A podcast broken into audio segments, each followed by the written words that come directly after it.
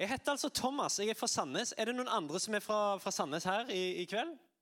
Ja, kjekt. Uh, nei. Uh, jeg uh, er fra Sandnes, ja. Elsker Sandnes. og, og Sandnes har jo alt, hvis du lurte. jeg skal nevne et par ting. Altså, Han som springer 5000 meter raskest i hele verden, er fra Sandnes. pizzabakeren er fra Sandnes og europris. på en måte. Altså, Det er bare gode ting. skjønner du? Det er bare gode ting som kommer fra Sandnes.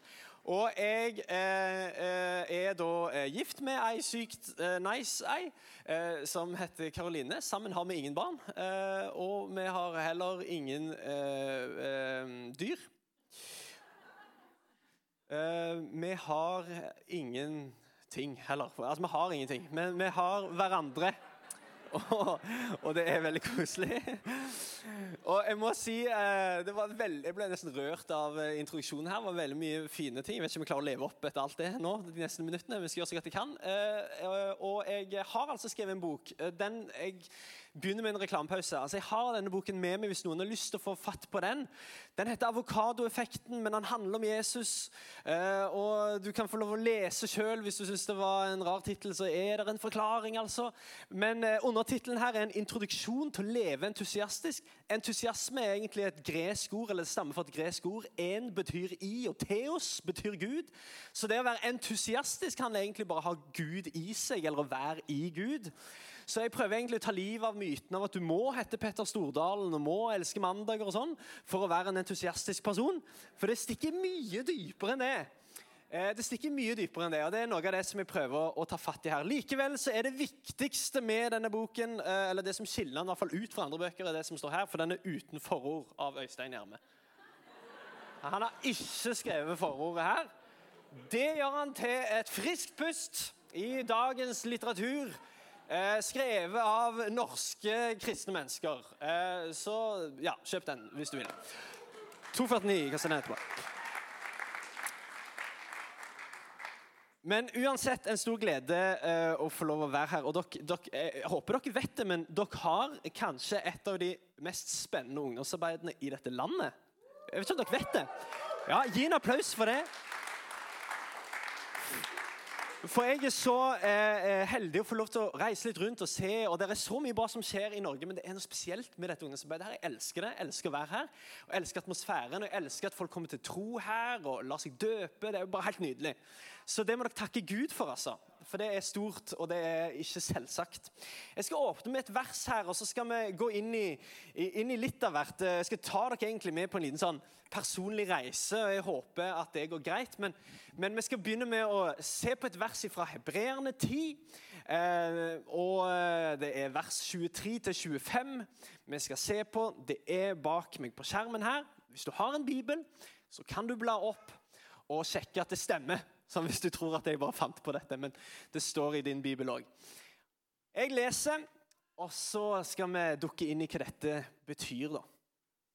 Det står 'la oss holde urokkelig fast' ved bekjennelsen av håpet. For han som ga løftet, er trofast. Og Jeg har bare lyst til å stoppe allerede.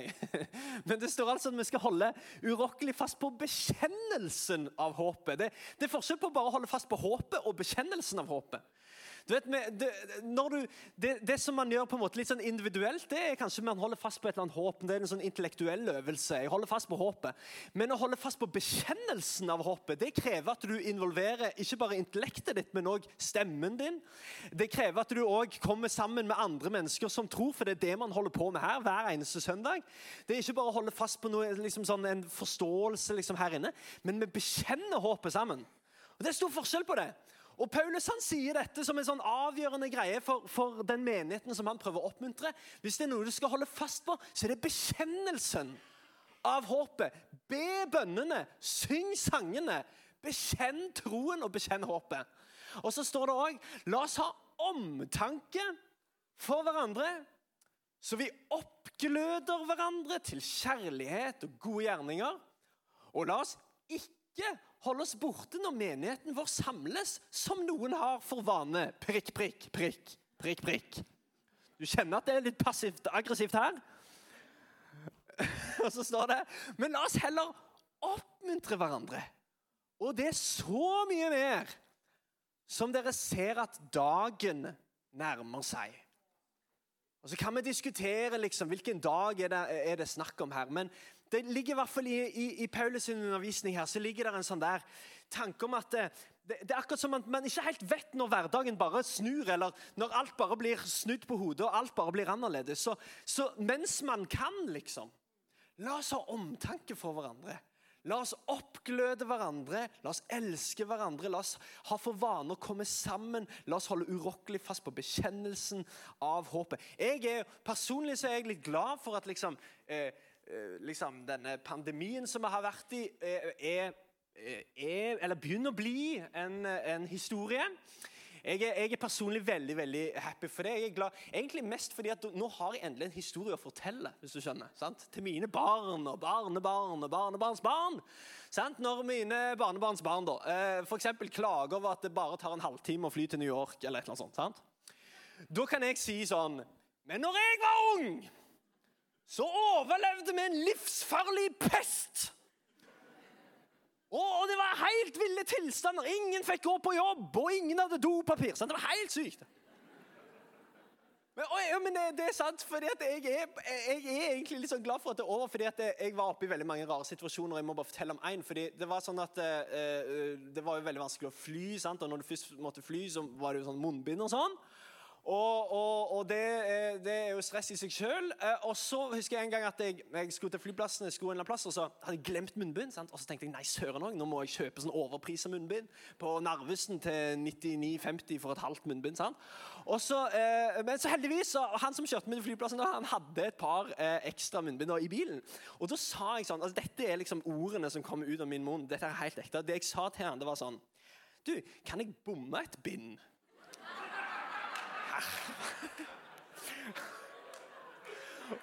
Så når menn må bomme bind av hverandre, da er man på en måte en, altså Det må jo være et eller annet endetidstegn, tenker jeg. Da er det på vei til å gå helt utfor stupet. Eh, så jeg på en måte er veldig glad for at eh, måte, det er en del av historien. sant? Eh, og så er det sånn da at at det var en sånn merkelig ting. vet ikke om dere husker Det altså, det, det går liksom fort, vi var liksom i det, og nå er vi plutselig ikke så mye i det. Men, men jeg husker en av de tingene som jeg synes var interessant, det var at Den norske kirke de gikk uh, ut og så sa de sånn Du, vi ser nå 2500% vekst med på gudstjeneste. Sant? For det var masse folk som, som fikk med seg gudstjeneste på, sånn digitalt. Og, og vi òg, den menigheten som jeg kommer fra, Sentrumskirken i Sandnes, der, eh, der møtte man òg masse profilbilder man aldri hadde sett før. og sånn. Men vi har jo ikke peiling hvem de var, vi har ikke peiling hvor de er nå. Men det er greit nok.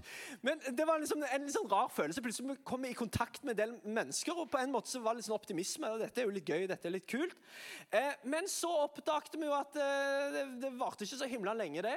Og du vet når du liksom spiser chips mens du ser på gudstjeneste, og du muter når det er kollekt og sånn.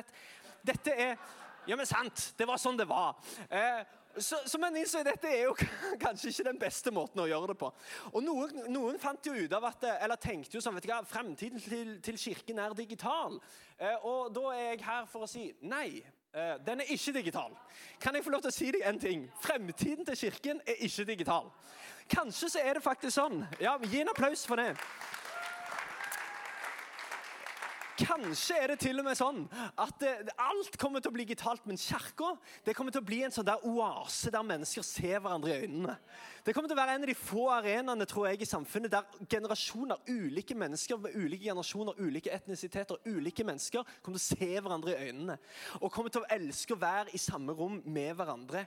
Vet du hva, Framtiden til kirka er fortsatt å være under samme tak til samme tid. Til og med med de samme menneskene. Det er framtiden til kirka. Og så er det sånn at Nå er man liksom tilbake til normalen, og så kjenner man likevel at selv om man er tilbake til normalen, så er jo ikke alt som normalt likevel. Kanskje har man liksom glemt det litt. Og så har man på en måte kommet inn i en sånn tralt, og så prøver man å finne ut av det. Og det her, Jeg vil dra dere litt med inn i min liksom personlige reise. fordi For meg så ble det en sånn der eh, greie der jeg, der jeg, begynte å liksom kjenne på hva under pandemien da, men hva er dette liksom, hva er menighet? Hva, hvordan skal dette fungere? Hva, hva, er det man egentlig holder på med? Og hva er egentlig menighet for noe? Hva er egentlig kirka for noe? hva er det man egentlig holder på med? Hva, hva er, innenfor, hva er utenfor? hvordan funker dette egentlig? Og, eh, jeg kom over litt eh, Jeg leste masse gøy litteratur på, på dette, denne tematikken. og jeg beit meg merke i et, et, sitat fra en fyr som heter Dietrich Bonhoffer. og Han er både teolog og spion, uh, faktisk. Det er en litt kul miks. Uh, han er død nå, da. Men, men uh, han, han, sa noe som jeg har lyst til å, lyst til å dra fram i denne sammenhengen. Egentlig Det første poenget mitt er dette at Hvis du tar en tilbake, tror jeg, så så har jeg lyst til å dra fram bare liksom dvele litt med dette poenget at det kristne fellesskapet er en en nådegave. Jeg vet ikke om du har tenkt på det på denne måten før. Altså en, en gave av nåde. Det at man har et kristent fellesskap, er faktisk ikke selvsagt. Det at man faktisk har andre mennesker som deler troen, at man faktisk har noen sånne i vårt liv som vi òg kan dele troen sammen med og bekjenne håpet sammen med, som vi kan ha omtanke for som vi kan elske, som vi kan oppmuntre. Det er ingen selvfølge at en kristne får leve sammen med andre troende i en tid der veldig, millioner av kristne er skilt fra fellesskapet pga. fangenskap, sykdom, nød, elendighet, undertrykkelse, forfølgelse. Men det at vi får lov i denne tiden, det er faktisk en nådegave. Bonhoffer sier det på denne måten. Det er neste slide. Han sier det kan bare være en kort tid som ennå skiller oss fra den dypeste ensomhet. Derfor bør den som får tiden, få lov til å leve sitt liv i fellesskap med andre kristne, prise Guds nåde fra dypet av sitt hjerte. Han bør takke Gud på kne og erkjenne det er nåde, intet annet enn nåde. At vi også i dag får lov til å leve i fellesskapet med kristne.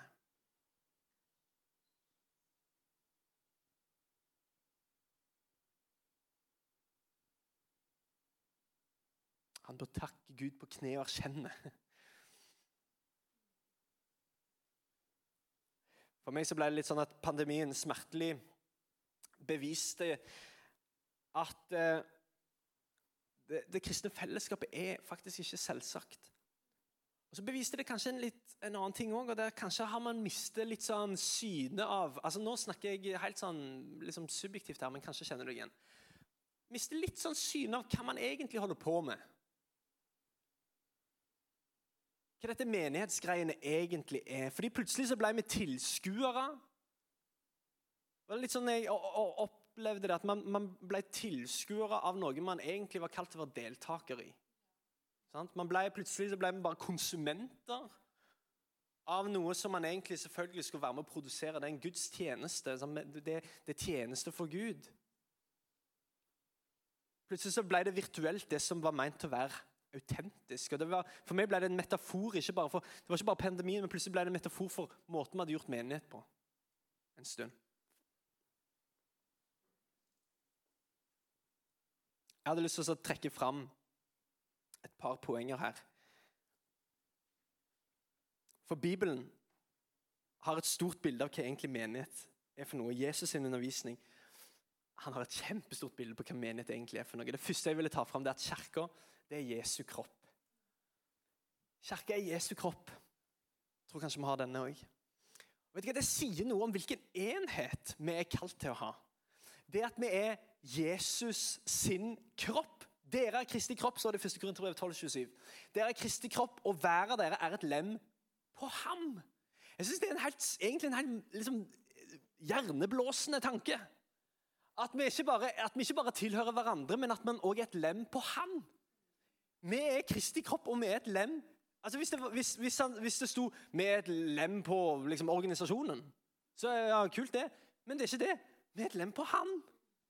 Tenk over når, når Paulus altså er på vei til å ta livet av de kristne, på vei til å få dem bak lås og slå, han er på vei til Damaskus, og han møter, han møter jo Jesus der i et lys som slår han i bakken. Og så sier Jesus det på denne måten. Han sier, 'Hvorfor forfølger du meg?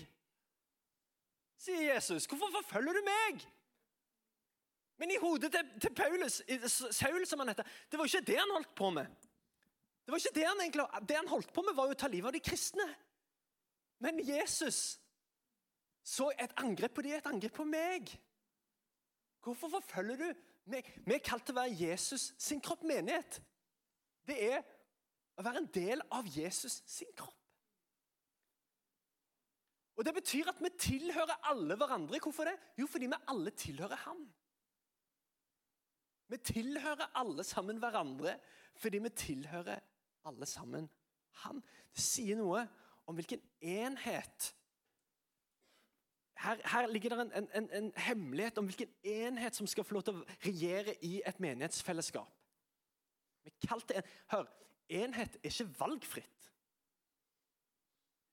Enhet er vårt DNA. Vi er kalt til å tilhøre hverandre fordi vi alle sammen tilhører ham.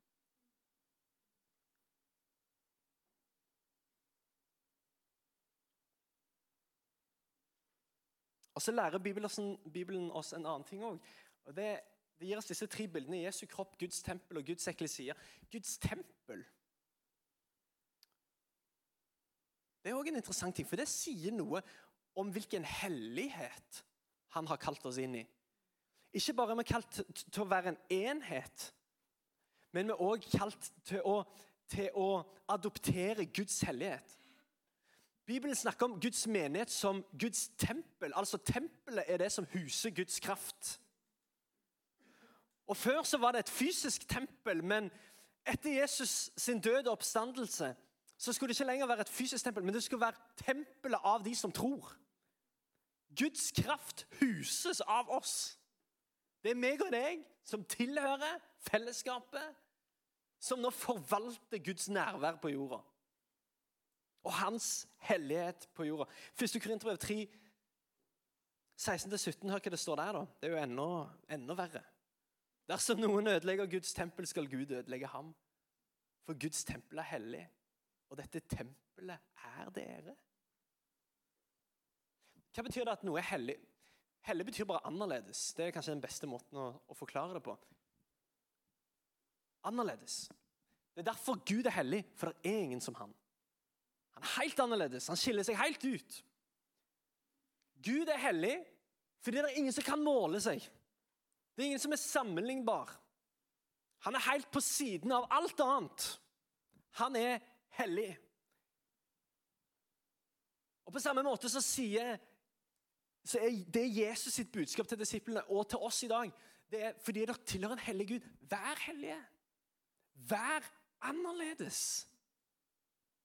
Tenk annerledes. Snakk annerledes. Lev annerledes. Ikke bare gjør det alle andre gjør, men vær hellige. Fordi vi er Guds tempel. Og du vet, når, når, når, når, vi snakker om dette å være hellig, så ikke, ikke misforstå meg at det handler om sånn der, at du skal flekse moralske muskler hele dagen. Det er ikke det det handler om. Fordi vi er frelst av nåde ved tro. Det er, ikke, det, er ikke, det er ikke moralen vår som frelser oss, det er Jesus Kristus som frelser oss. Men vi er ikke bare frelst til et liv etter døden, vi er også frelst til et liv før døden. Et liv der vi skal samarbeide med Han om å, om å forvandle jorda så han ligner på himmelen. Det er kallet vårt som Guds menighet, som Guds tempel. Og Jesus han, I, i bergprekenen Matteus 5, 6 og 7 så, så, viser han dette i praksis. Eller han forteller om dette. At Det handler om å, det handler om å vende det andre skinnet til. Det handler om å gå den ekstra mila. Det handler om å leve med troen utenpå kroppen. Det handler om å leve med nåde i blikket. Med kjærlighet i hendene. Med sannhet i ordene våre. Lev annerledes, vær annerledes. Hvorfor det? Fordi du tilhører en annerledes Gud. En hellig Gud. Og meg og deg er kalt til å være hans tempel. Vi er satt til side for en større hensikt. Dette er to av bildene. Det tredje som eh, vi kunne sikkert tatt fram mange her, men la meg ta fram denne òg. Kirka er Guds eklesia. Eklesia betyr egentlig bare forsamling. Det er liksom, det, det, det, vi, er hans, vi, vi, er hans, ambassadører. Og Det sier noe om hvilken autoritet har jeg skrevet her. Det sier noe om hvilken autoritet som er betrodd oss. som Guds menighet. Hør hva det står i Matteus 16, 18-20. Du er Peter, sier altså Jesus til disippelen som hadde gått med han de siste tre årene. Du er Peter, og på denne klippen vil jeg bygge min eklesia, min forsamling. Min kirke. Så står det og dødsrikets porter skal ikke få makt over den. Jeg vil gi deg himmelrikets nøkler, og det du binder på jorden, skal være bundet til himmelen. Og det du løser på jorden, skal være løst i himmelen. Si noe om, det sier noe om hvilken autoritet som er betrodd oss her. Nøklene til Guds rike. Guds rikes kraft er tilgjengelig for oss. Vi har fått autoritet til å helbrede, til å legge hendene på syke så de blir friske til å legge hendene på mennesker og be om at Den hellige ånd skal ta bolig i dem. Altså det, det, det, det, er det som er blitt betrodd oss, som vi skal forvalte. Den autoriteten den, den har vi til å sette undertrykte fri. Til å samarbeide med Gud om å skape en verden som reflekterer himmelen. Poenget jeg prøver å få fram her nå, det er dette. At noen tror at kirke, eller noen tror at kirke er en aktivitet. Men kirke er ikke en aktivitet. Kirke er en identitet. Det er den du er, og det er den du blir i etterfølgelsen av Jesus. Det var så nydelig her når vi fikk være vitne til disse menneskene som lot seg døpe på sin tro og bekjennelse. Men vet du hva? i det sekundet der så tilhører du Han. Og fordi du tilhører Han, så tilhører du òg alle de andre som tror.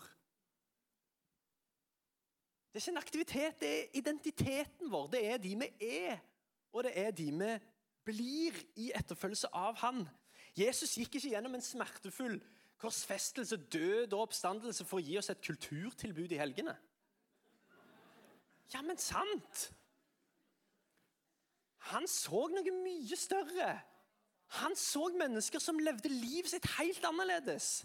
Som var avhengig av hverandre, som gjorde seg avhengig av hverandre. Som oppmuntra hverandre, som løfta opp hverandre. Som bærte hverandres byrder og som gleder seg over hverandres seirer.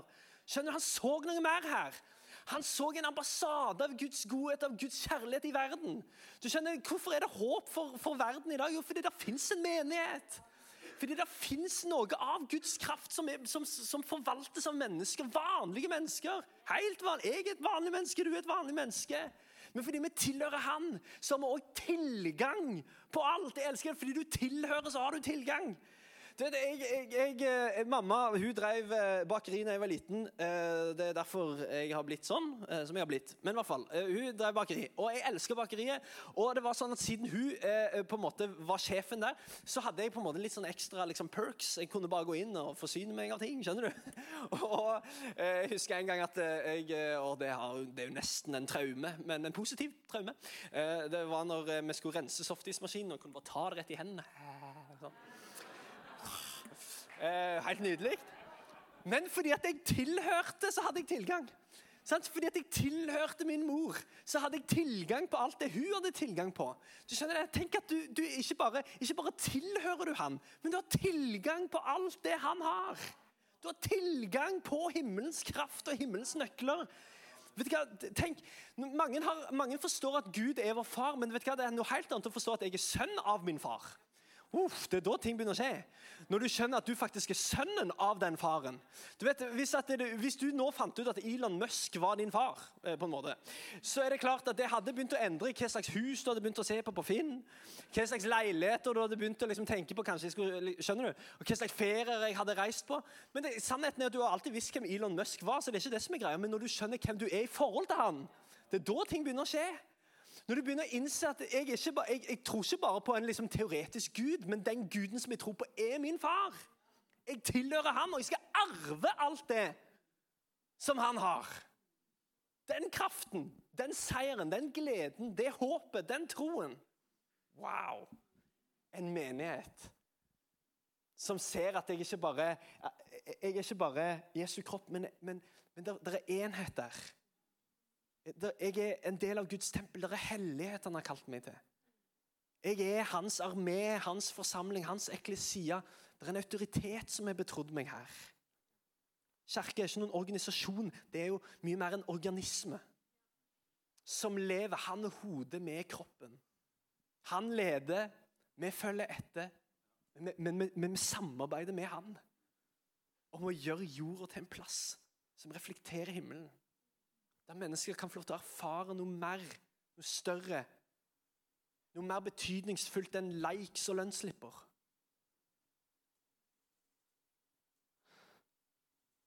Derfor så blir det jo litt sånn absurd, kanskje problematisk, når den kristne holder seg vekke fra, eller eventuelt forblir i, et fellesskap bare pga. personlige preferanser. Hvis vi drar til de kristne i Ukraina og spør hva slags kirkepreferanser de har, så er det et random spørsmål. Vår venn Bonhoffer han sier det på denne måten. Han sier den som elsker sin egen drøm om et kristent fellesskap mer enn det kristne fellesskapet sjøl, han ødelegger ethvert kristent fellesskap. Det var ikke jeg som sa det. Det var Bonhoffer. Jeg, jeg, jeg, tror, jeg, tror, vi skal ha en drøm for det kristne fellesskapet. Jeg tror ikke det er det som det er noe galt med. Jeg tror på å ha en visjon. Jeg tror på å, ha, å, å, stå sammen som fellesskap og ha en drøm om hva vi kan bli. Og, jeg tror på denne liksom, å ikke være helt fornøyd og liksom kjenne på at oh, ja, men der ligger mer for det er, ikke, det er ikke det jeg tror Bonhoffer vil til livs her. Men kan jeg få lov til å si det på en annen måte? Når glansbildet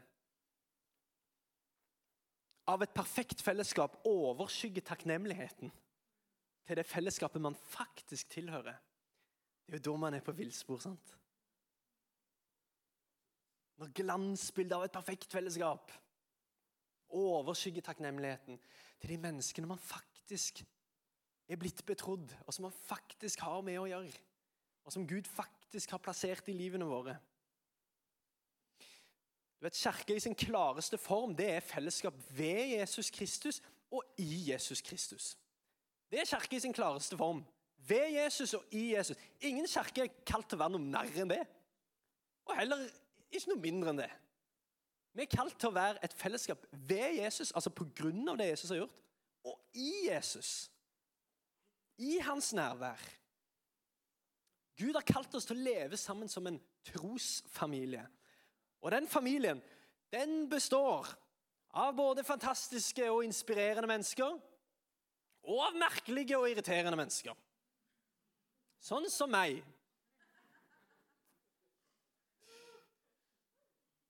Men det er sånn som Grenlands store sønn, Truls Åkerlund, har sagt At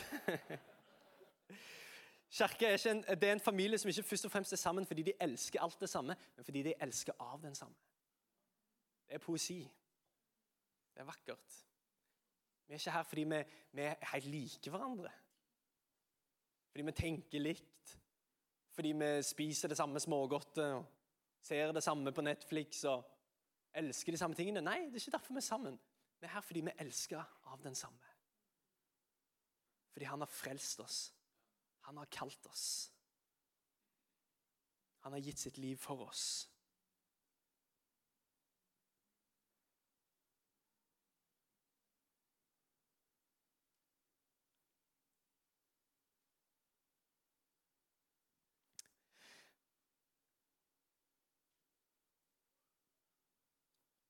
Um, jeg skal ikke snakke kjempelenge her. Men la meg, la meg bare dra deg raskt inn i en uh, I min historie. Kanskje bare bandet skal gjøre seg klart. Um, jeg var 13 år når jeg uh, møtte Gud. Jeg er egentlig ikke sånn jeg er ikke vokst opp i noen sånn spesielt religiøs familie. eller noe sånt. Eh, min far har jeg knapt eh, møtt, eh, iallfall 20 år siden sist jeg så han. Han klarte ikke å ta vare på seg sjøl, og i hvert fall ingen barn. Mamma dro meg med på bedehuset. Og eh, jeg var glad i å høre om Jesus. Jeg var ikke noe fan av søndagsskolen. Syns de behandler oss som barn. Det var jo på en måte målet òg, men jeg var veldig lite fan, så jeg satt oppe med de voksne og hørte om Jesus. Var kjempe, det var kjempe, jeg var kjempefascinert av det. Men når jeg var 13 år, så, så hadde jeg et, Et møte med Gud som på en måte forandrer meg. Eh, liksom, og det, det, var bare et, det, det, Jeg har ikke hatt sånne erfaringer før, det har ikke hatt sånne erfaringer etter det. Men plutselig så skjønte jeg nettopp det som vi snakket litt om i stad, at Gud er ikke bare en teori. Gud er ikke bare eh, en idé. Gud er ikke bare liksom, Gud, han er, han er far. Han er min far. Han er min far. Og Plutselig så skjønte jeg at den far jeg har på jorda, er ikke en refleksjon av den far jeg har i himmelen. Han er en perfeksjon. Gud er en perfeksjon av den far som jeg aldri fikk. Så plutselig så, så skjønte jeg at han vil med noe. Det har ikke begynt med meg. Og, og, det skal sannsynligvis ikke slutte med meg heller. Men han vil med noe her. Og så, og så var det et sånn øyeblikk der, bare, der Gud bare rørte med meg på en eller annen merkelig måte. Men det som skjedde etterpå, var kanskje enda større. Det var at Han satte meg sammen inn i en trosfamilie. Inn i en menighet med mennesker som, eh, som så meg, og som trodde på meg. Og som ga meg ansvar jeg ikke var moden for. Og ga meg muligheter jeg ikke fortjente.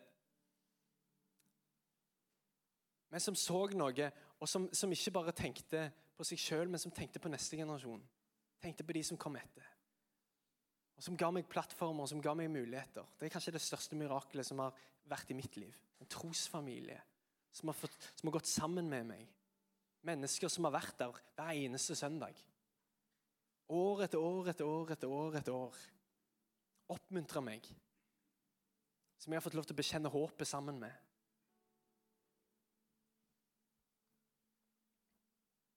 Og det har betydd alt for meg. Efeserne 2. Dette er det siste. Vers 19-22. Altså er dere ikke lenger gjester og fremmede. Nei, dere får være Guds eget folk. Sammen med alle som tilhører Gud. Dere er medlemmer i Guds store familie. Sammen er vi billedlig talt et hus som er bygget på ett og samme fundament.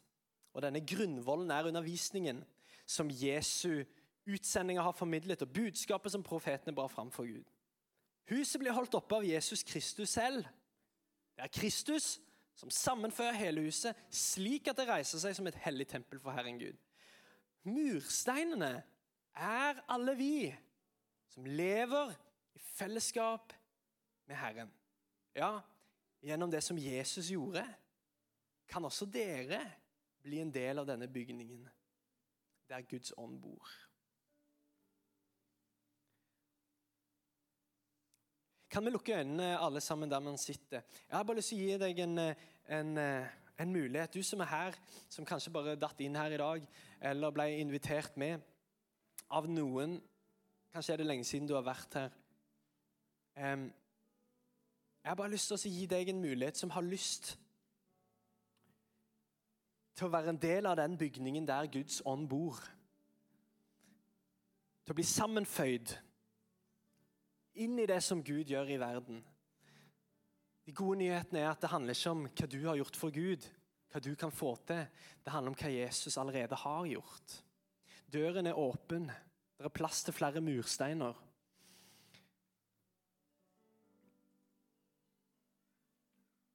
Du trenger ikke lenger å være en gjest eller en fremmed men du kan få lov til å være en del av Guds store familie. Og Måten det skjer på, det har vi allerede sett i, det å la seg døpe, men det er på en måte del to. Del én er å åpne hjertet sitt og si 'Jesus, du er velkommen'.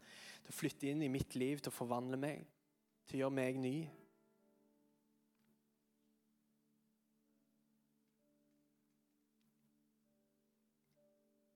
Så skal du ikke bare være en slave i huset, men du skal være en sønn i familien, en datter i familien. Så Mens vi har øynene lukka, så vil jeg bare be deg om å rekke opp en hånd. og Det er ikke fordi jeg skal peke deg ut, jeg skal ikke trekke deg fram. Jeg bare vil at du skal vite at i dag er et vendepunkt. Jeg gjorde noe. Jeg løfter opp en hånd i været. Og Så skal jeg bare be en enkel bønn her. For alle de som gjør det. Bare en enkel uh, bønn fra scenen. Så hvis det er det, Kanskje du bare løfter opp en hånd akkurat der du sitter nå, hvis du tenker åh, oh, Jesus, i dag så åpner jeg opp mitt hjerte for deg. I dag så gir jeg deg en sjanse i mitt liv. Gud velsigne deg. Hvis det er noen flere, så er det bare å løfte opp en hånd. Så bra. Nydelig. Veldig bra. Hvis du kjenner at det, det valget trenger jeg faktisk å ta i dag, så er det fortsatt en mulighet.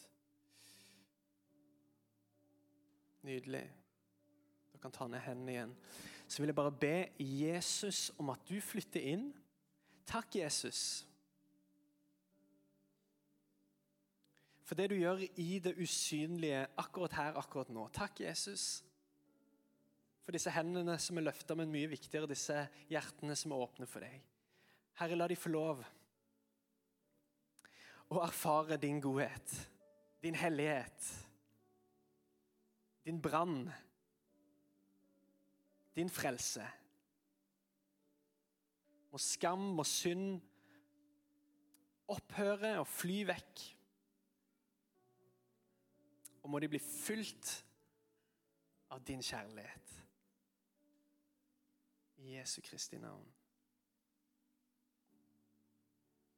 Amen.